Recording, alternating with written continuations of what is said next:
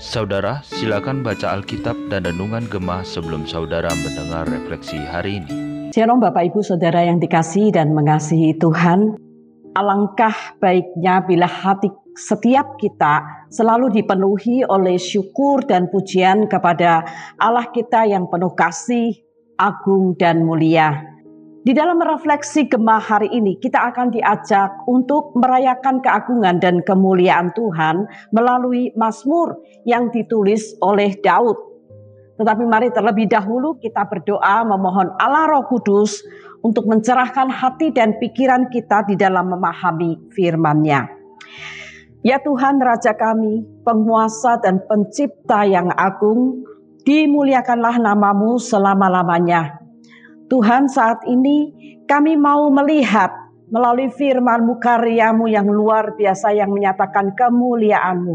Seluruh pengaturan, pemeliharaan dan kuasamu yang menyatakan kekuatan-Mu Biarlah ya Tuhan kami boleh memuji dan mengagungkan Engkau. Melalui firman yang akan kami baca dan renungkan, kami mohon lagi-lagi Allah Roh Kudus yang akan menyatakan pribadi Allah kami yang luar biasa ini. Sehingga kami boleh selalu memuji namamu. Terima kasih Tuhan, terpujilah akan namamu dalam nama Tuhan Yesus. Kami mengucap syukur dan berdoa. Amin. Bapak Ibu Saudara yang dikasih Tuhan, tema yang menjadi renungan kita adalah betapa mulianya namamu ya Tuhan. Firman Tuhan diambil dari Mazmur nomor 8. Demikian bunyi firmannya. Untuk pemimpin buduan menurut lagu Mazmur Daud. Ya Tuhan, Tuhan kami, betapa mulianya namamu di seluruh bumi. Keagunganmu yang mengatasi langit dinyanyikan. Dari mulut bayi-bayi dan anak-anak yang menyusu telah kau letakkan dasar kekuatan karena lawanmu untuk membungkamkan musuh dan pendendam.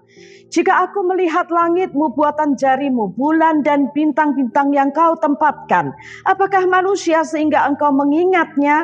Apakah anak manusia sehingga engkau mengindahkannya? Namun engkau telah membuatnya hampir sama seperti Allah dan telah memahkotainya dengan kemuliaan dan hormat. Engkau membuat dia berkuasa atas buatan tanganmu. Segala-galanya telah kau letakkan di bawah kakinya kambing domba dan lembu sapi sekalian, juga binatang-binatang di padang, gurun-gurun burung-burung di udara dan ikan-ikan di laut dan apa yang melintasi arus lautan. Ya Tuhan Tuhan kami, betapa mulianya namamu di seluruh bumi. Bapak Ibu Saudara, kalau kita perhatikan di awal dan di akhir Mazmur ini ada sebuah pengakuan yang sama dari Daud tentang kemuliaan nama Tuhan yang berbunyi demikian.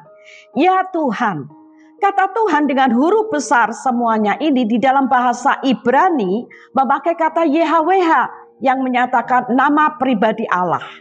Ya Tuhan, Tuhan kami.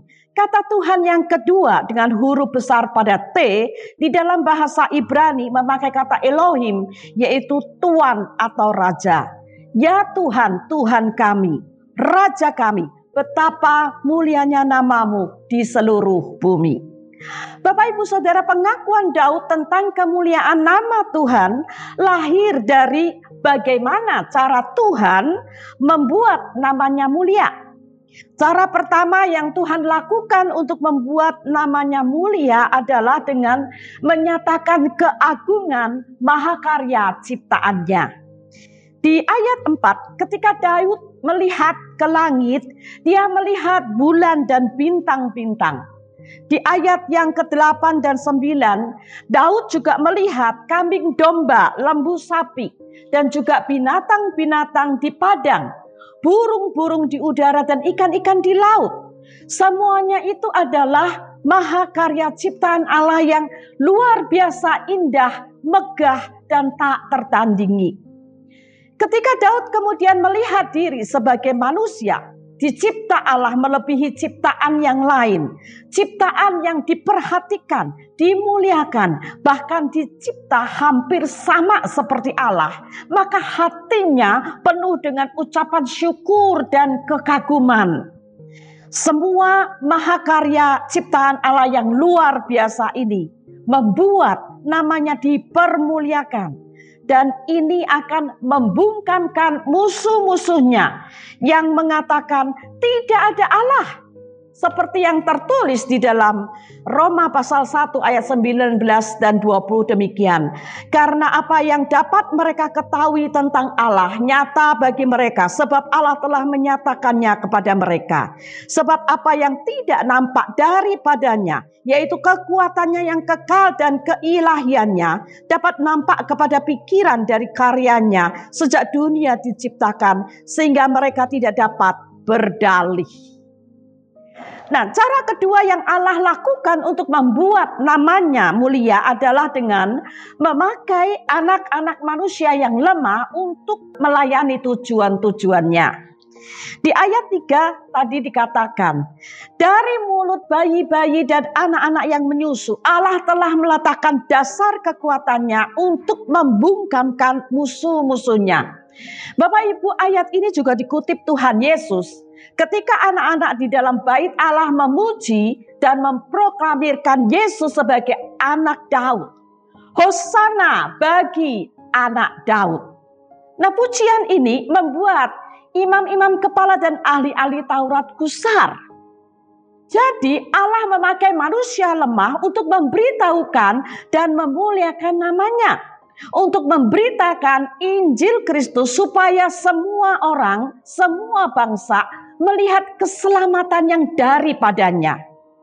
Selanjutnya di ayat 7, Allah juga memakai manusia yang lemah untuk dengan mengaruniakan kuasa untuk menguasai dan mengatur ciptaan yang lain. Jadi dengan kata lain, manusia yang lemah juga dipakai sebagai representatif Allah untuk merepresentasikan Allah di bumi ini. Apa yang Allah kerjakan melalui anak-anak manusia yang lemah, ini adalah caranya untuk memuliakan namanya. Bapak Ibu Saudara pada akhirnya bukankah seharusnya kita pun merayakan keagungan dan kemuliaan Allah sama seperti Daud di dalam pengakuannya. Ya Tuhan, Tuhan kami, betapa mulianya namamu di seluruh bumi. Bapak Ibu Saudara setiap kali kita melihat mahakarya ciptaan Allah yang luar biasa ini. Tidak bisa tidak kita akan mengagungkan dia. Pencipta, penguasa, pemelihara seluruh ciptaannya.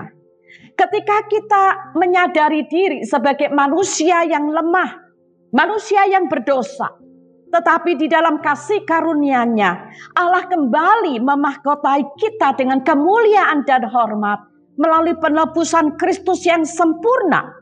Sehingga kita bisa dipakai Tuhan untuk melakukan hal-hal yang besar yang akan mempermalukan orang-orang yang sombong. Kita dipakai Allah untuk memberitakan perbuatan-perbuatan Allah yang besar, memberitakan salib yang menjadi kebodohan bagi mereka yang akan binasa, tetapi menjadi kekuatan dan kuasa Allah yang menyelamatkan mereka yang percaya kepada Injil. Bahkan ketika kita melihat anak-anak kecil yang menyanyi, memuji Tuhan, anak-anak kecil yang berdoa, menyebut Tuhan sebagai pengakuan mereka Allah atas Allah mereka yang maha besar, maka tidak bisa tidak, kita juga akan memuliakan Dia karena pekerjaan besar yang luar biasa ini bukan berasal dari kekuatan dan kemampuan kita, tetapi berasal dari Allah yang dipercayakan kepada kita. Oleh karena itu, marilah setiap kita selalu mengagungkan dan memuliakan Allah di setiap aspek kehidupan kita, baik di bumi ini maupun di sorga yang mulia. Mari kita akan berdoa. Ya Tuhan, Tuhan kami, betapa mulianya namamu di seluruh bumi.